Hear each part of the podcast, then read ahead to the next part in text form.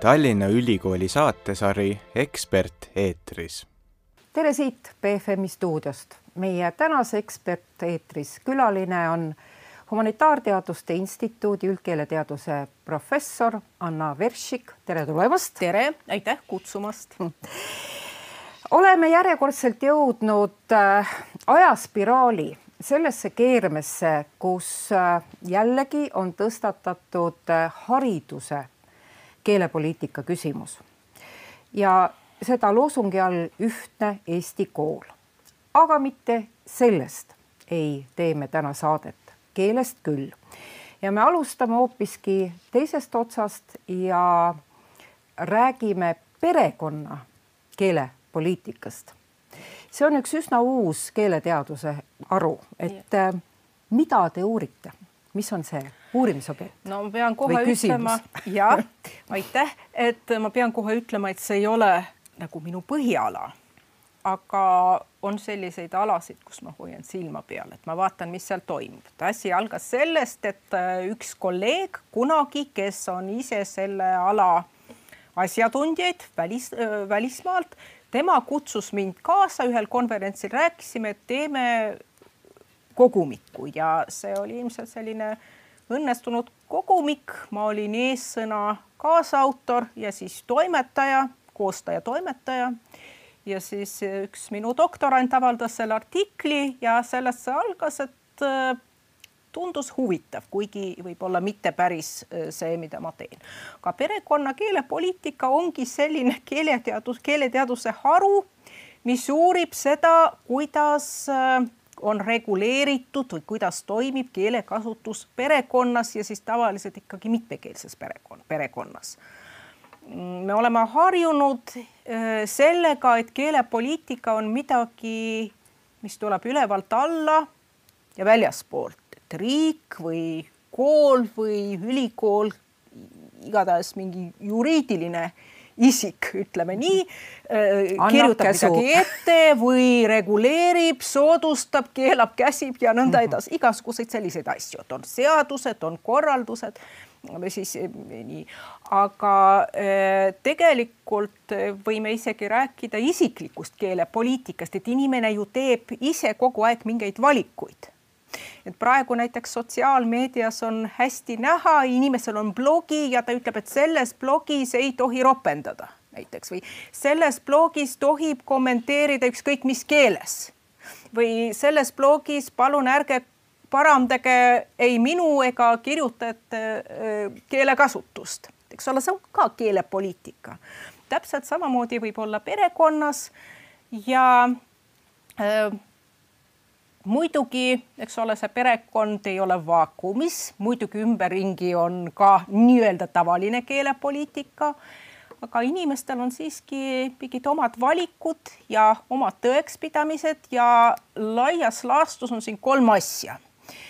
Et üks asi on keeleideoloogia, see ei ole alati ilmne, aga see on see, mida me kujutame ette, et ilus keel või hea keel või peab kasutama tingimata seda keelt või toda või mõlemat, noh, mis iganes. ja teine asi on äh, see keele, keelekasutuse haldamine, et kui on mingi eesmärk, mida vanemad näiteks teevad, näiteks mingid praktilised sammud, ütlevad, vot loeme täna selles, selles keeles unejuttu. Või selline minu meelest paha variant, aga niimoodi öeldakse, et siin kodus räägitakse ainult X keeles ja mitte Y keeles.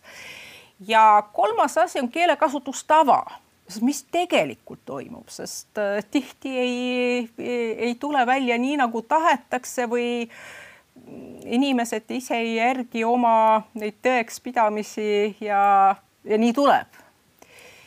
ja äh, see on päris, päris huvitav eks ole, kui inimesed äh, soovivad säilitada näiteks mingit väikest keelt kodus no,, suure keele keskkonnas, et mida nad siis teevad või nad arvavad, et ei ole oluline, on ka selliseid juhtumeid, et miks ka mitte. Selliseid asju uuritakse, muidugi see on kvalitatiivne uurimine, tehakse intervjuusid, küsitakse, lindistatakse, vabandust, salvestatakse, ma olen vanamoodne, ma ütlen lindistatakse. Salvestatakse hästi palju, siis on ka selline huvitav metoodika ja ma olen ise seda teinud koos äh, teistega, et äh, mitu intervjueerijat igaüks räägib, tuleb eri päeval seda peret intervjueerima ja eri keeltes jah, kui see on mitmekeelne pere, et nagu äh, uus intervjueerija, uus keel siis teistmoodi, eks ole, siis pärast neid narratiive võib võrrelda, et kas see info teises keeles on oluliselt teistsugune või mitte, mitte et inimene valetaks teises keeles, aga rõhuasetused ja mida tõstatakse esile ja nõnda edasi, et see võib. Anna, aga, aga, aga mis see meile annab? Sellise perekeelepoliitika uurimine, ma vaatasin, et tegelikult oled sa juhendanud või juhendamas ka päris mitut doktoritööd, eks ju, et ja need olid siis perekeelepoliitika nii Eestis, Lätis, Jaapanis.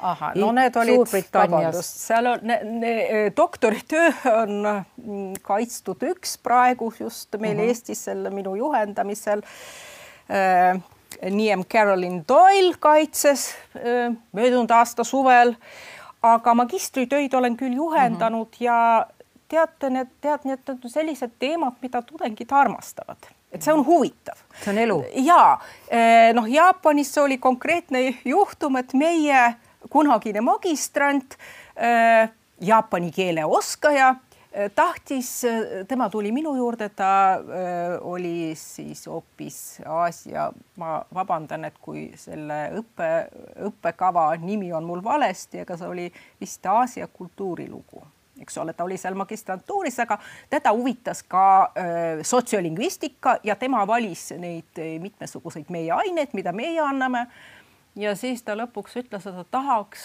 midagi teha, mis oleks kuidagi seotud Jaapani või jaapani keelega. ja siis ma pakkusin talle, et ilmselt on Eestis selliseid eh, segaabielusid, kus eh, üks abikaasa on jaapanlane ja teine on eestlane ja siis eh, kuidas, ühesõnaga jaapani keele säilitamine, see ei ole seesama, mis ütleme inglise või prantsuse keele säilitamine ja siis tema käis ja temal on see eelis, et ta oskas intervjueerida jaapani keeles ja siis eesti keeles ja äh, see oli huvitav, aga mida see annab? ma mõtlen tihti humanitaarteaduste puhul, eks ole, et mida see annab, kui seda otse ei saa kohe rakendada, aga võib-olla ei peagi niimoodi mõtlema, sest meie ei tea, võib-olla kahekümne aasta pärast saame midagi rakendada, aga see uus teadmine see uus teadmine, kuidas inimesed mõtlevad, kuidas nad toimivad. see on väga-väga oluline minu meelest, et kasvõi sellepärast on see huvitav. täiesti nõus. Anna, kas me võiksime rääkida ka sinu, sinu isiklikust keelepoliitikast? no mina olen mitmekeelne inimene. nüüd kuidas nüüd öelda, et see ei tähenda, kuidas, mis su emakeel on? oi, seda nii nüüd ma hakkan loengut andma, eks ole, et emakeele kohta öö, on kõik selge ükskeelse isiku puhul.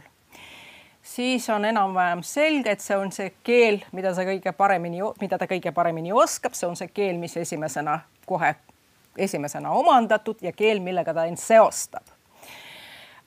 kui on mitmekeelsus meil pildis, siis võib olla väga erinev eks ole, need kriteeriumid ei pruugi kokku langeda. et inimene võib osata palju keeli, aga ta ei pruugi ennast seostada nende kõigiga või on võimalikud sellised kombinatsioonid, et näiteks no mul oli kunagi üheksakümnendatel üks keelejuht ja siis tema ütles niimoodi, et tal on juudi identiteet äh,, vene keel, saksa kirjandus, kirjanduse keel oli eraldi ja eesti kunst ja kunst oli tema jaoks väga oluline mm, -hmm. sest ta, ta uuris kunsti, just Anna, eesti kunsti. kui sa prooviksid nüüd iseenda kohta sellise pildi maalida et...? no ja mina ütleks niimoodi, et äh, mina olen Eesti juut. seostan ennast eesti keele ja idiši keelega päritolu järgi vene keel on see esimene, mida ma kõige pare- või mitte kõige paremini esimesena omandasin. sa oled Leningradis sündinud. ja, aga mm -hmm. ma ei saa öelda, et see on see keel, mida ma oskan nüüd kõige paremini. no keeleoskuse mõõtmine on ka omaette asi. ütleme niimoodi, siin võib küsida ka, mis on emotsioonide keel. ja emotsioonide keel on eesti keel, ütleme niimoodi et kui küsida, mida ma kõige paremini oskan, siis vene ja eesti ja see, millega ma ennast seostan, on eesti ja jidiš. aga on veel hulk keeli, mida ma oskan paremini või halvemini ja siis on keeli, mida ma oskan mingil määral ja nad on mulle südamelähedased. näiteks Leedu ja Ukraina ja miks, ärge küsige, eks ole, ilu on vaataja silmis. et kuidagi niimoodi, niimoodi on välja kujunenud igatahes, et äh, ma püüan jälgida, mis äh, Leedus ja Ukrainas toimub, vaatan äh, saateid siis vastavalt leedu ja ukraina keeles. no püüan ilukirjandust lugeda ka nii, nii palju, kui seda on võimalik ja, ja nõnda edasi, aga no. aga kui sa, kui sa iseenda identiteedist räägid, siis on ikkagi need kolm Eesti, keelt, mida sa e no milline identiteet, keeleline. kultuurilisest identiteedist kõige rohkem kas, kas, Eesti. niimoodi ja, no, vahet teha üldse? noh, mis me minust räägime, mul oli loengus kunagi väga hea juhtum, väga huvitav selles mõttes, et üliõpilased ei osanud alguses sellega midagi peale hakata. ma lugesin, see oli veel enne Ukraina sündmu-, sündmusi, see oli kaks tuhat kaksteist, kolmteist, mingi selline aeg ja üks inimene kirjutas blogis enda kohta, et ta on juudi päritolu Äh, venekeelne Ukraina rahvuslane. Ei, ma saan, ma, ma kujutan mm. -hmm. ette, kuidas see võib olla ja siis tema, äh, tema kirjutas ja mõtlesin, et see on väga hea selline näide, mul on selline aine, ta oli erinime all kogu aeg meil ülikoolis, aga nüüd selle nimi on sotsiolingvistika mitmekeelsus, magistrantidele annan seda see on väga hea näide ja siis, kui ma värskelt, mis see oli kaks tuhat kolmteist, äh, andsin, ütles, et vaadake, et on selliseid asju, me oleme harjunud, et noh, on kõik selge, eks ole, üks keel, teised keeled ei, ei ole identiteedi osa, noh, arusaadav, selline tüüpiline pilt, aga vaadake mm, -hmm. kuidas saab olla. ja siis mäletan seda kommentaari. Äh, see oli selline väga huvitav kommentaar, et väga keeruline, väga keeruline. Ja siis me hakkasime analüüsima, et miks nii ja nõnda edasi, aga nüüd on mul selline tunne, et üliõpilased ja üldiselt ollakse rohkem harjunud selle keerukusega. et äh, asjad ei pruugi olla noh, nii lihtsad, nagu meile tundub või nagu terve mõistus kohe ütleb ja nüüd niisuguste juhtumite kohta ei öelda ei, kuidas see on võimalik.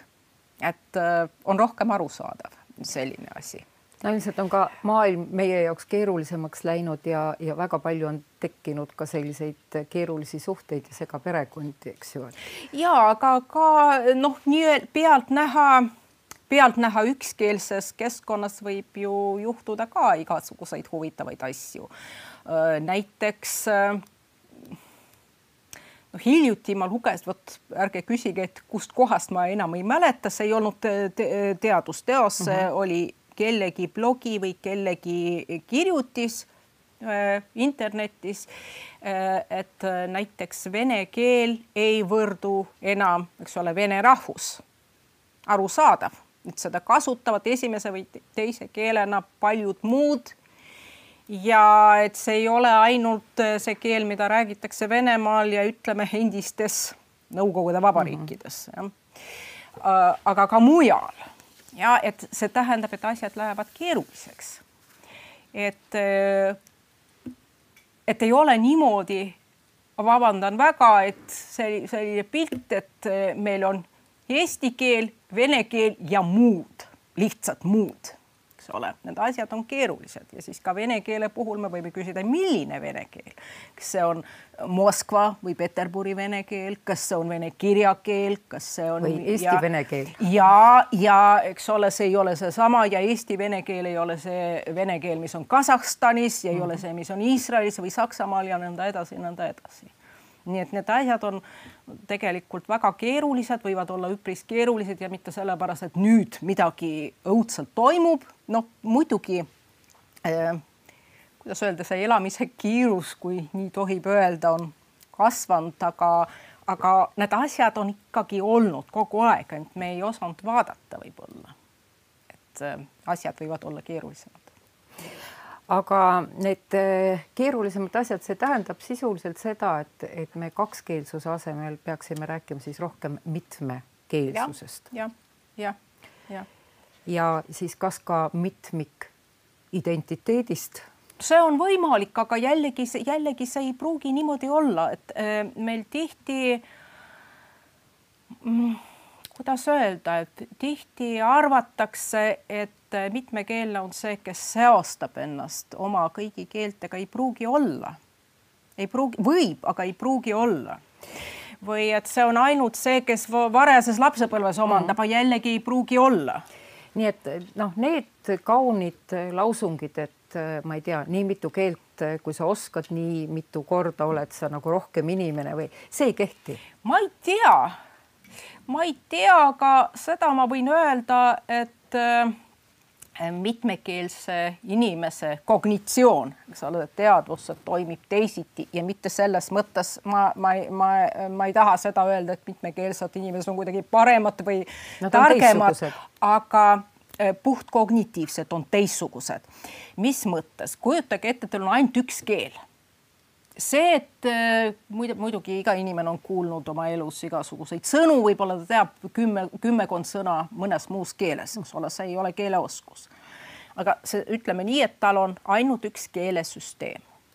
niipea, kui sinna juurde tekib mingi muu keelesüsteem, olgugi et väga algelisel tasemel, see teadvus, kognitsioon hakkab kogu aeg võrdlema, see võib olla teadvustamata. Tähendab, ja see tähendab see, eks ole, võrdlus on väga võimas õppimise ja arengu tööriist, eks ole, me võrdleme asju, me teaduses võrdleme ja elus olmes võrdleme ja see tähendab see, et kui me näeme võrdluses, siis see, kuidas ta näeb, kuidas ta tajub ja kuidas ta töötleb, jah, kognitiivselt töötleb oma esimest keelt see on teistmoodi. Ja ma olen seda näinud, kuidas äh, inimesed hakkavad teadvustama, et eriti need, kes ei ole koolis õppinud tõsiselt, ei ole õppinud mingeid äh, muid keeli, see ei puuduta küll Eesti konteksti, aga on selliseid jah, eriti suurkeelte kõnelejad, et nad arvavad, et see universum on nii-öelda eneseküllaldane, et selles keeles on kõike ja koolis ei võta tõsiselt, aga siis mingil põhjusel hakkavad mingit keelt õppima. Ja vot siis tuleb see, et õpetaja, aga miks peab ütlema, millal peab ütlema ütlema ja millal peab ütlema rääkima? Ja siis äh, õpetaja ütleb, aga mõtle, kuidas sinu oma keeles on, kas on mingi vahe? ahaa. Ja siis ta hakkab juba niimoodi võrdlema, noh, see on selline eksplitsiitne võrdlemine, aga tegelikult see toimub implitsiitselt. Ja kui teil on ainult üks keelesüsteem, te ei saa ju seda, mil noh, millega te võrdlete, kui ta on ainult üks ja ainus. Ehm, võrdlemine on üks asi, aga kuidas on, et kui sa, eh, kui sa oled venekeelses keskkonnas või eestikeelses keskkonnas või noh, ma ei tea, kui palju võimalust olla jidišikeelses keskkonnas, et kas sa, kas sa oled ka natukene teistsugune? ma küsin sellepärast, et noh, olles ise niimoodi äh, mõnda aega töötanud äh, rahvusvahelises seltskonnas ja mitte oma emakeeles, ma arvan küll, et ma olin natuke teistsugune, et ma olin pisut avatum näiteks kui siin ma ei oska öelda, et äh, see on selline lemmikteema, mäletan kunagi üks keeleteadlane, üks Facebooki sõber ja ka keeleteadlane äh, tõi esile oma postituses mingi populaarartikli, ma ei mäleta, kas see oli The Guardian, mingi ingliskeelne leht mm, -hmm. et umbes nii, et et mitmekeelsed inim-, mitmekeelse inimese sees on mitu isiksust, sest no midagi -hmm. niisugust. kas sinu sees on mitu isiksust? ja vabandust, ma kohe jõuan mm sinna ja see keeleteadlane tõi selle artikli just näiteks, et igaüks arvab, et ta võib keele kohta midagi arvata, arvata võib, eks ole, aga mm -hmm. siin on, siin on just nimelt see küsimus, et kui asjatundlik see on. see võib olla mõnel inimesel, ta, mõni inimene võibki mm, arvata või tunda, et eh, kui ta räägib ühes keeles, siis ta on, ütleme, asjalikum ja teises keeles ta on südamlikum. mina ei tunne seda. ei ole mina... vene keeles temperamentsem näiteks e,? E, ma juba ütlesin, et vene keel ei ole minu jaoks mm -hmm. emotsioonide keel e,. niimoodi on välja kujunenud, et e, jah e,, nii et e, ei ole, aga mulle on öeldud ja et näiteks, et leedu keele puhul mitte see, et milline ma olen, aga et kui sa räägid leedu keelt, sa oled teistsugune, mina kehitan õlgu. no et ma ei arva, et see on tingimata niimoodi. ja seda asja ei saa vist eh, teaduslikult eh, kuidagi mõõta, et inimese enesekirjeldus on väga tore, aga selle põhjal vist ei saa nagu midagi järeldada ei ole teaduslik. ma, ma ei tea, ma ausalt öeldes mind see teema nagu teaduslikus mm. mõttes mm -hmm. ei ole huvitanud, eriti ma tean, et niimoodi võib olla, aga jällegi, aga mitte alati, noh, samamoodi on väga kaua arvatud, et muidugi esimene keel on tingimata emotsioonide keel, aga äh, noh, ei ole alati nii, ta võib olla niimoodi, aga ta ei ole alati nii ja nõnda edasi ja nõnda edasi. et siin on raske midagi, mm, mida öelda midagi niisugust, mis kehtiks äh, universaalselt. Aga räägime siis äh, veel sellest äh, mitmekeelsusest nüüd mitte nii palju emotsioonide pealt, vaid vaid mida need uuringud näitavad, ütleme mitmekeelsus segaperekondades, selle mitmekeelsuse saavutamiseks on mitmesuguseid teid, eks ju, kõige levinum on see noh, mida on viljeletud siin ka meil keelekümbluse puhul, eks ju, et eh, üks inimene, üks keel, üks õpetaja, üks keel, kodudes siis eh, üks vanem, üks keel. Neid meetodeid on veel, mida, mida teadus ütleb? no teadus ütleb, et on see, see üks vanem, üks keel. see, see on selline huvitav asi, et terve mõistus justkui ütleb, et kui te tahate säilitada, siis tehke nii. keelekümblus on täiesti ma pean kohe ütlema, et ma ei ole metoodikaspetsialist ja ma tean seda, et keelekümblus on eriline metoodika, et selles metoodikas on tõesti oluline, et üks inimene, üks keel, üks keskkond, üks keel, aga see, see on no. väga spetsiifiline, aga perekonnas mm. no vaatame seda, et äh, väga tihti selle taga on kartus, et äkki hakkab keeli segama. no milles probleem ma ei kujuta ette, et täiskasvanud inimene ei kujuta ette, mis keelt ta parajasti räägib. mida, no jah, et sellist asja ei ole olemas. aga ju. lapsi, kes keeli segavad, oleme me ilmselt kõik kuulnud ja see on absoluutselt normaalne. pealegi äh, on keelekogukondi, kus see ongi, kus see ongi norm.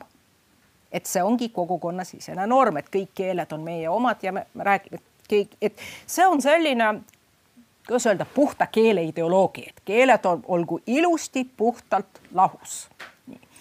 no keeled ei ole kognitiivselt mitte kunagi lahus, aga see selleks, aga vaatame, et ja, et niimoodi võib olla. aga kujutame ette, et äh, üks vanem räägib keelt A, teine keelt B ja ütleme, keskkond on ka selles B keeles. et see tähendab seda, et laps saab sisendit selles B keeles rohkem see saab, see saab nii väljaspoolt kui ühelt vanemalt. jah, et see on ka üks vanem, üks keel, aga keskkond jah, ja siis on selline olukord, on ka selle, selliseid asju, et äh, väljas on hoopis kolmas keel.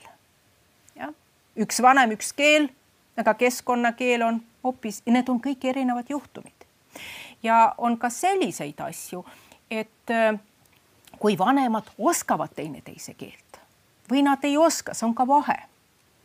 sõnaga siin, äh, siin võib väga palju arutleda ja äh, keeleteadlased, kes on uurinud ähm, eriti no seda diskursust, üks vanem, üks keel, nad on vaadanud, et äh, jah, et see võib tähendada erinevaid asju ja siis mõnes olukorras võib-olla, kui on võimalik, et peaks olema midagi muud, näiteks vähemuskeel kodus selline strateegia. aga see on jällegi võimalik, kui vanemad on ühest siis ühest rahvusest või, või sama keele kõnelejad või nad oskavad teineteise keeli. see, see on siis võimalik.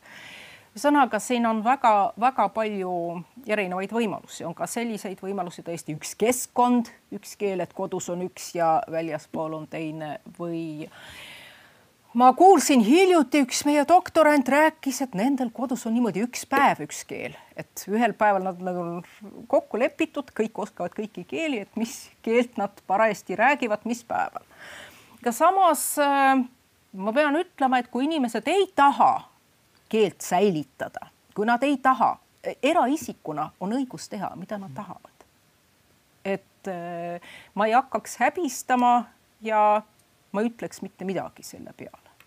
aga kas saab öelda, et mõni meetod on kuidagi efektiivsem ja aitab kõiki neid keeli säilitada? Äh, ma ei saa seda öelda, sest äh, väga palju sõltub keskkonnast, välja palju, väga palju sõltub konkreetsest juhtumist. Äh, kas me räägime, ütleme inglise keele säilitamisest mõnes peres Eestis, isegi Soome ja Soome on siin lähedal või noh, näiteks türgi keele säilitamisest. väga palju tegureid, me ei jõua siin kõike käsitleda, no väga palju selliseid tegureid, mis äh, tulevad arvesse. ja ei saa, siin ei saa anda retsepte, et kahjuks ei ole täppisteadus. aga kuidas sa hindad äh, eesti keelelist arengut tervikuna, kui vaadata nüüd äh, noh, tagasi see paarkümmend aastat näiteks. Nonii. või äh, kolmkümmend aastat. kohe ütleme. ütlen seda, mida ma loengus ütlen, et keele, et selles sõnaühendis keele areng, sõna areng ei tähenda progressi, see ei tähenda, see, see, see ei ole see, et mingi lihtsam staadium ja siis areneb ja muutub keerukamaks ja paremaks mm. -hmm. jah, äh, keel muutub, keele muutus on olemuslik asi, see on loomulik asi ja äh, iga keel muutub ja selles ei ole midagi paha äh,. midagi, kuidas seda hinnata, väga tore on vaadata ja jälgida ja mõelda et, professionaalselt, et miks nii. aga räägime keele kasutuse arengust. ja keele kasutuse arengust, aga, aga see ongi see, et noh, mina olen äh, keeleteaduse, ütleme kasutuspõhise keelekäsitluse pooldaja ja on olemas formalistid ja siis on olemas need, kes tulevad alt üles. et keel, keele äh, gram, noh, grammatika struktuur on selline seisukoht, see sünnib kasutusest, mitte ülevalt alla, vaid alt üles nii et ongi no see on normaalne, et keelekasutus muutub, sest iga järgmise põlvkonna keeletaju muutub. see, mis, äh, mis tänapäeval võib-olla on täiesti loomulik eks ole, võib-olla kakskümmend aastat tagasi tundus veider või keegi nii ei rääkinud, aga see ei tähenda seda, et äh, noored ei oska ja ei hooli ja keelega juhtub parajasti midagi väga hirmsat, vaid see ongi nii, see toimub iga keelega. no räägime ka eesti keele positsioonist siis ah,. see on teine asi. et äh, kui täna näitab statistika, et umbes pooled mitte-eestlased räägivad hästi või väga hästi, aga noh, see tähendab, et pooled ei räägi ja, ja, ja umbes kümmekond äh, protsenti on neid, eks ju, kes üldse ei saa millestki aru. Mhm. no äh, teisalt me, kui me võrdleme nüüd üheksakümnendate algusega, siis kui ma nüüd õigesti mäletan, siis oli umbes kümmekond või neliteist protsenti neid. viisteist vist oli viimane ja, loendus, kaheksakümmend üheksa viimane Nõukogude loeng. kes, kes oskasid ja, ja, ja ülejäänud üldse ei oska mm, -hmm. et, et kui nii vaadata, siis on kolmekümne aastaga ju, ju, ju meeletu areng eks ju, aga samas oleme me ikka kohutavalt mures kogu aeg mm. -hmm. ei no äh, see on midagi muud, eks ole, see, see ei ütle midagi keele, keele muutusest mm -hmm. või ütleme nii, nii, et see on midagi nad ju mõjutavad keelt ka, need, kes teda õpivad ja võib-olla nii hästi ei räägi nii, minu lemmiknäide, mis asi on läti keel, ma lihtsustan mm, -hmm. ma räägin loengutes tavaliselt, et see on selline näide, vist kõik üliõpilased on sellest tüdinenud, aga see on ikkagi hea näide see on keelevahetuse tulemus, ma liialdan natuke, aga lihtsates terminites, mida see tähendab? et ei olnud sellist mõistet nagu läti keel või leedu keel või isegi eesti keel, olid mingid Läänemere soome keeled -huh. noh, see kooslus, mis on nii uh -huh. Lõuna-Eesti ja Liivi uh -huh, ja, ja nii ja, ja siis olid mingid eri balti keelekujude kõnelejad. ja needsamad Läänemere soome keelte kõnelejad, keelekujude kõnelejad läksid üle Balti, ühele Balti keelevariandile või mitmele. läksid üle, see tähendab seda, et nad vahetasid, nad jätsid oma esimese keele nii-öelda sinna paika, hakkasid rääkima, kasutama äh, seda teist keelt. nii, ja mis siis juhtus? Äh, juhtus see, miks läti keeles on rõhk esimesel silbil, fikseeritud rõhk. Leedu keeles ei ole, aga vot sellepärast kui õppida keeli, kus on äh, dünaamiline rõhk, tähendab, me ei saa öelda, kus kohas ta on mm, -hmm. erinevate sõnas erinevalt, kui me hakkame käänama ja pöörama, siis on veel mingeid muutusi ja see on väga raske.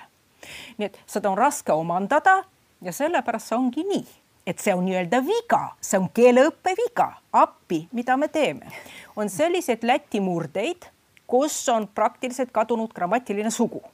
jah, noh, see on teada kui me, kui eestlane hakkab õppima keelt, kus on grammatiline sugu ja eesti keeles ei ole seda kategooriat ja, või isegi jah, et see on päris raske. Või ütleme isegi siis, kui inimene, kelle keeles, keeles on sookategooria, aga teises keeles võib-olla see on natuke teisiti, tema on ka hädas. nii, ja tulemus on see, et need on niinimetatud liivipärased, liivipärased murded, sellepärast seal oli just väga palju neid liivi keele kasutajaid. Ja seal on äh, selle kahe soosüsteemi asemel meessugu, naissugu, nagu balti keeltes on, see on selline segadus, et kas ei ole või ütleme meessoost nimisõna, naissoost omadussõna lõpud, no midagi niisugust. suur viga, mida me teeme, kas me ütleme, et läti murded ei kõlba kuhugi, läti keel ei kõlba kuhugi, midagi, et see on täiesti normaalne. See on täiesti normaalne, ei ole puhtaid keeli, unustage ära, niisugust asja ei ole olemas. et äh, asi on selles, et äh, sõnaga keeletaju ju muutub ka.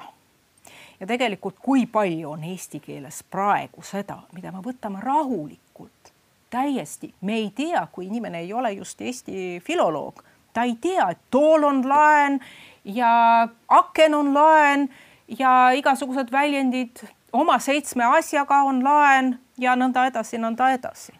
E, see on täiesti normaalne, sellepärast ma ei muretseks. siin on kaks eri asja, üks asi on see, mis toimub keeles, keele muutus, see on üks asi, see on väga huvitav ja keel muutub ja et kui ta muutub e, teiste keelte mõju all, ei ole mingit probleemi.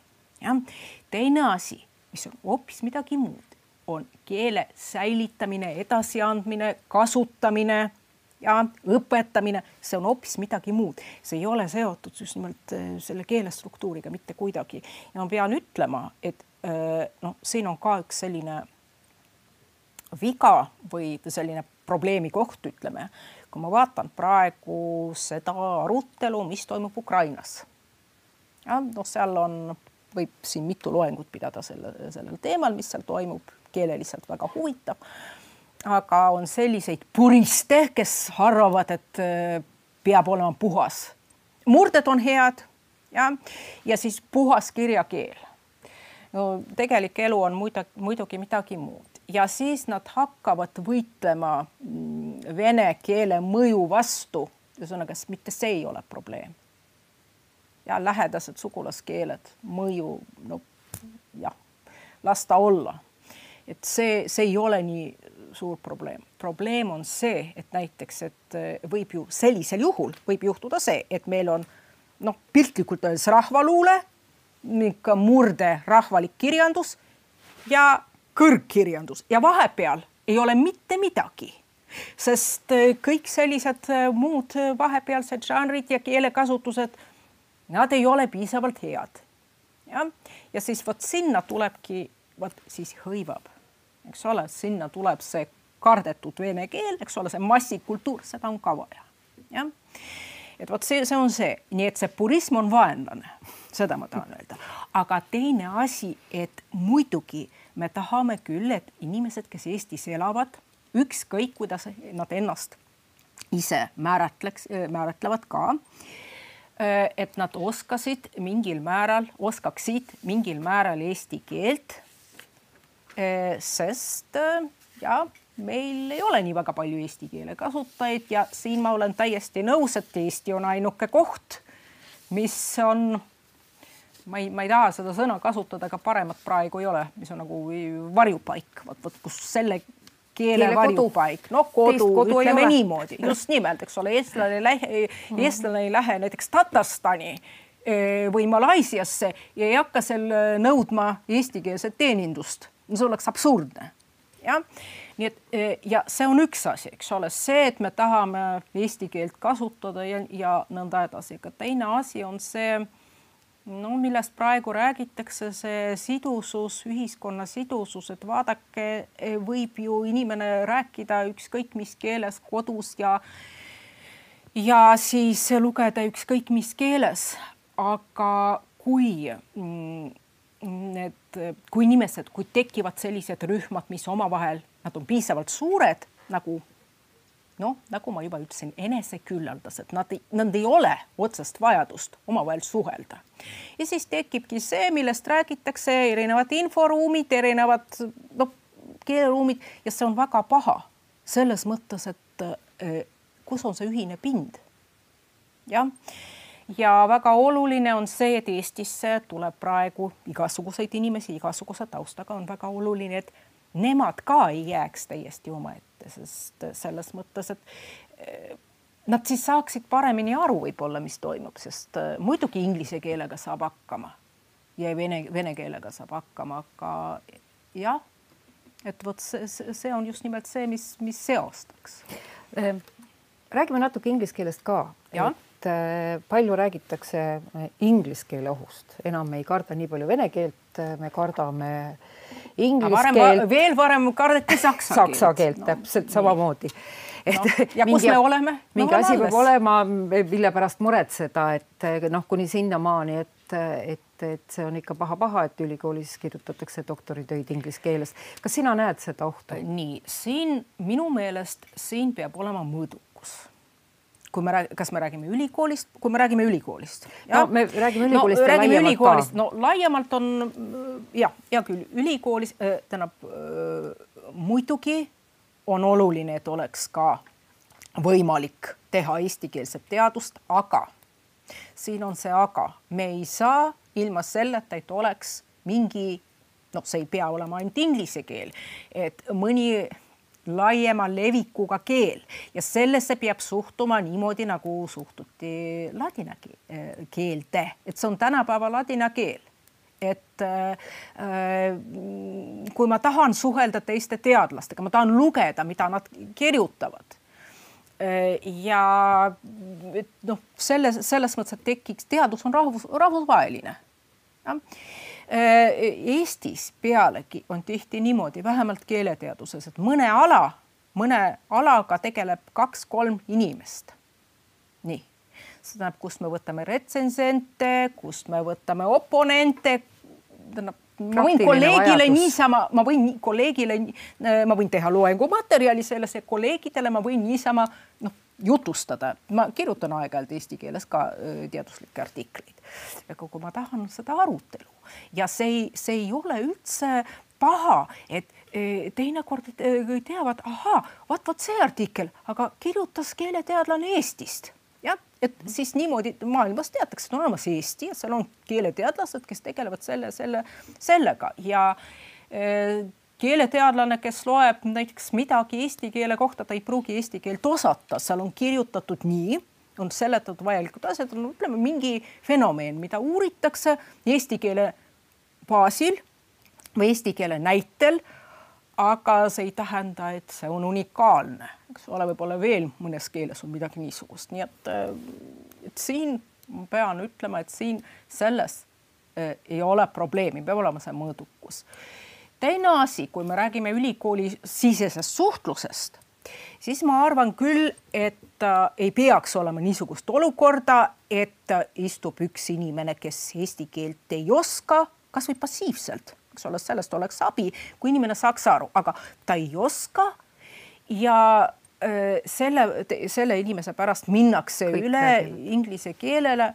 ühesõnaga, ma arvan, et see, kui see ei ole inimene, kes tuleb paariks aastaks, et las ta mm -hmm. olla. aga et siin peab mõtlema.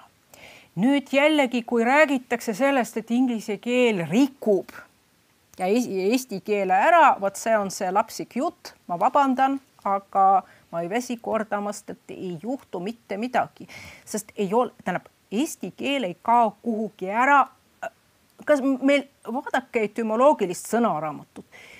Saksa tüvesid on meil sõnavaras mingi kakskümmend millegagi protsenti. noh, kõik on korras, me kasutame neid, jah, mitte midagi. kui palju konstruktsioone on laenatud, täpselt samamoodi -hmm. öeldakse, oh, aga see väljend on tõlkelaen eesti keelest, aga kas te teate, kui palju on meil saksa keelest selliseid selliseid tõlkelaene, selliseid väljendeid või ütleme piiblitõlk, piiblitõlke kaudu, kui palju on Euroopa keeltesse tulnud hoian, hoidma nagu silmatera või kõik, kõik sellised, see on ju ka mhm. tõlkelaen -hmm. ja nõnda edasi, sellega ei juhtu midagi.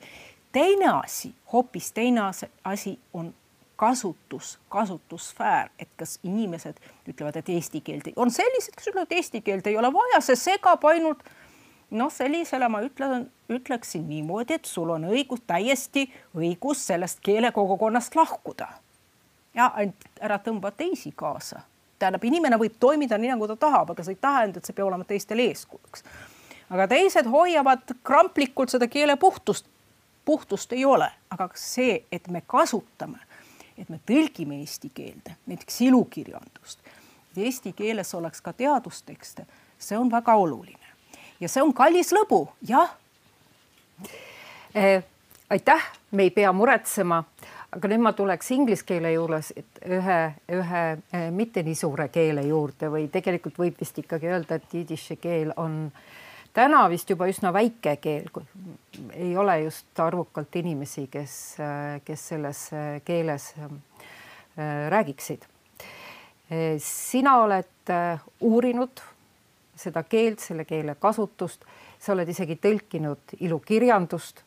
Eh, kahjuks raamatukogus ei olnud neid raamatuid saada, aga ma võin öelda, et, et omal ajal avaldas mulle tohutut muljet Isak Vassiljevitš Singeri eh, ori ja, ja tal on päris mitu raamatut eesti keeles, mis on ka jidiši keelest tõlgitud, et eh, räägi natuke sellest jidiši keelest ja, ja, ja, ja võib-olla ka jidiši kirjandusest no ma ei ole kirjandusteadlane ja sellepärast. no miks sa tõlkisid, äh, mis on see võlu? Et ma tahtsin, et see tekst oleks ka eesti keeles olemas, et see on see. no, noh miks me teeme mingeid asju, väga tihti see on selline esteetiline valik et ma pean ütlema, et ori, mida sa mainisid, et see selle tõlkis äh, on tõlkinud Kalle Kasemaa, tähendab mm -hmm. tema on ka tõlkinud jidišist üsna palju mm. -hmm. nii, no jidiši keelega on selline lugu, et kunagi, kunagi sai sellega vist üle Euroopa päris kenasti rännata seda keelt osates, sest mitte ainult juudid, vaid teisedki, kes äh, elasid nende kõrval, oskasid mingil määral seda keelt, no kujuta, kujuta ette, et mingi väike linn, äh, elanikkond on viiskümmend, viiskümmend, viiskümmend juudit, ütleme viiskümmend leedulased või midagi niisugust mm, -hmm. arusaadav. Nüüd kahjuks äh, enam nii ei ole, sest oli Teine maailmasõda vahepealt ja, ja siis ärme unusta, oli nõukogude keelepoliitika ja siis kõik sellised, sellised asjad ja noh, siin on ka füüsiline häving kui ka keelevahetus, sest äh, kusagil see oli stigmatiseeritud, et ära räägi igaks juhuks ja, ja noh, nõnda edasi. nii et jah, et äh, see, see, kuidas nüüd öelda, see kodu, noh, see kodu või see koda, eks ole, oli põhiliselt Euroopas. jah, ja just seda ei ole küll on igasuguseid entusiaste, on Ameerika Ühendriikides üsna palju, Iisraelis on ka see suhtumine muutunud. varem see oli tõsine vaenlane, no konkurent mm -hmm. jah ametlik no, keel on heebrea keel, eks. ja no seal, seal võib väga palju huvitavat rääkida, tegelikult iroonia on selles, et äh, väga paljud heebrea keele nii-öelda taaselustajad olid jidiši keele kõnelejad ja heebrea keeles on üsna palju asju jidišist aga noh, implitsiitselt see ei tähenda, et sõnad, aga mingid mm -hmm. mallid ja, ja nii, see on ka huvitav teema ja sellest, sellest on ka kirjutatud. nii, siis äh, see statistika ma ei teagi, kuidas, kuidas on saadud need numbrid sellepärast, et on olemas ultraortodoksne keskkond, kus jidiš, see ei ole mingi väärtus ja selles mõttes, et meie kaunis kirjakeel või mm -hmm. midagi niisugust, see on lihtsalt igapäevane keel ja see eluviis on üsna mm, konservatiivne ja seda räägitakse sellepärast, et on alati räägitud, muidugi ei olda ükskeelsed. ja aga need inimesed ei taha eriti äh, mingisugustesse statistikasse või loe, loendustesse sattuda mm, -hmm. et see on see ebausk, ütleme nii. nii et ma ei tea, ma olen näinud erinevaid numbreid, et eh, miljon kuni kolm miljonit, et noh, Eesti no, mõistes ei ole rohkem nii... kui eesti keele rääkijaid, aga mitte ja, ka palju rohkem. ja nii et eh, siis eh, ükskeelseid rääkijaid ei ole samas ma tean selliseid juhtumeid, et vot see on väga huvitav ja see väikeste keelte puhul tuleb ette, et inimesed, kes ei ole seda lapsepõlves kuulnud, aga teadlikult õppinud heal tasemel, nemad otsustavad, et nad hakkavad kodus rääkima lastega ja muide, ma olen kuulnud ja ka lugenud, et midagi sarnast on liivi keelega ka mm. -hmm. ja et inimesed otsustavad, nüüd võtame kätte, et see on ka väga huvitav no, asja hiljaaegu oli dokumentaalfilm äh, ühest äh, indiaani keelest, eks ju, mida ja, üritatakse ja, ja. niimoodi kunstlikult taas luua. just. no mis tähendab kunstlik, no kõik ju muutub ja, ja. et ähm, jah, et no, aga miks mitte ja, ja mm -hmm. see on ilus lugu. küll aga mm, see kirjandus, ütleme kahekümne, kahekümnendast, noh, üheksateistkümnenda sajandi lõpp ja kahekümnes sajand kuni teise maailmasõjani, see on selline õitseng täiesti. ma ei taha öelda, et praegu midagi ei toimu, aga muidugi see mõõtkava on hoopis teistsugune. ja see on väga palju huvitavat ja öö, oma olemuselt see kirjandus on no kui me väga tinglikult mingi kultuuri, kultuuriteoreetik võib öö, kohe peast kinni haarata, et mida ta räägib, aga väga selles mõttes, et väga tinglikult, see on läänelik kultuur tegelikult, et see keelebarjäär, eks ole, võõras tähestik, aga kui ma olen seda kuulnud, kui inimesed loevad, keegi loeb tõlkes, et ah, no see on ju täiesti, täiesti arusaadav, et selles mõttes, et mis kontekst see on ja et seda ei pea nii palju kommenteerima. mm nagu selles mõttes, et mhm. kuju, need kujundid, kõik need ismid, kõik need ekspressionismid ja impressionismid mm, -hmm. see, see kõik on seal olemas. ja noh, näiteks äh, inimesed avastavad, nad loevad, et ahah, loeb, loeb mingit äh, jidiši luulet, ütles, ahah, kindlasti see on lugenud Mits-, Mitskevitši, eks ole mm, -hmm. Poola suur äh, luuletaja, ta Mitskevitš, et kindlasti ja sest sellel on see kujund ja nõnda mm -hmm. edasi. ja noh, toimub, mõnikord toimub selline taasavastamine ja väga huvitav. Anna, meie aeg saab läbi, aga äkki sa lõpetuseks annad ka mõne, mõne soovituse äh, just nimelt raamatu osas, mis on näiteks jidiši keelest äh, tõlgitud? no jidiši keelest jällegi seesama mm, Isak Paševi-Singeri Ori Kalle Kasemaa tõlkes. ja no kui tohib natuke enesereklaami teha ma tõlkisin Hallil ajal, see oli vist tuhat üheksasada üheksakümmend üheksa, kui see ilmus. David Bergelson, Kui kõik on läbi, siis selline romaan. aitäh, Anna. Äh, kõik ei ole kindlasti läbi, aga meie saade on küll tänaseks läbi. suur aitäh sulle siia stuudiosse tulemast. aitäh kutsumast ja äh, mul jääb öelda kohtumiseni nädala pärast ja nädala pärast on siin äh, stuudios äh, külalisena Peeter Selg, eh, poliitikateooria professor ja juttu tuleb nurjatutest probleemidest. ja saatejuht on siis Mark Soonik. kohtumiseni.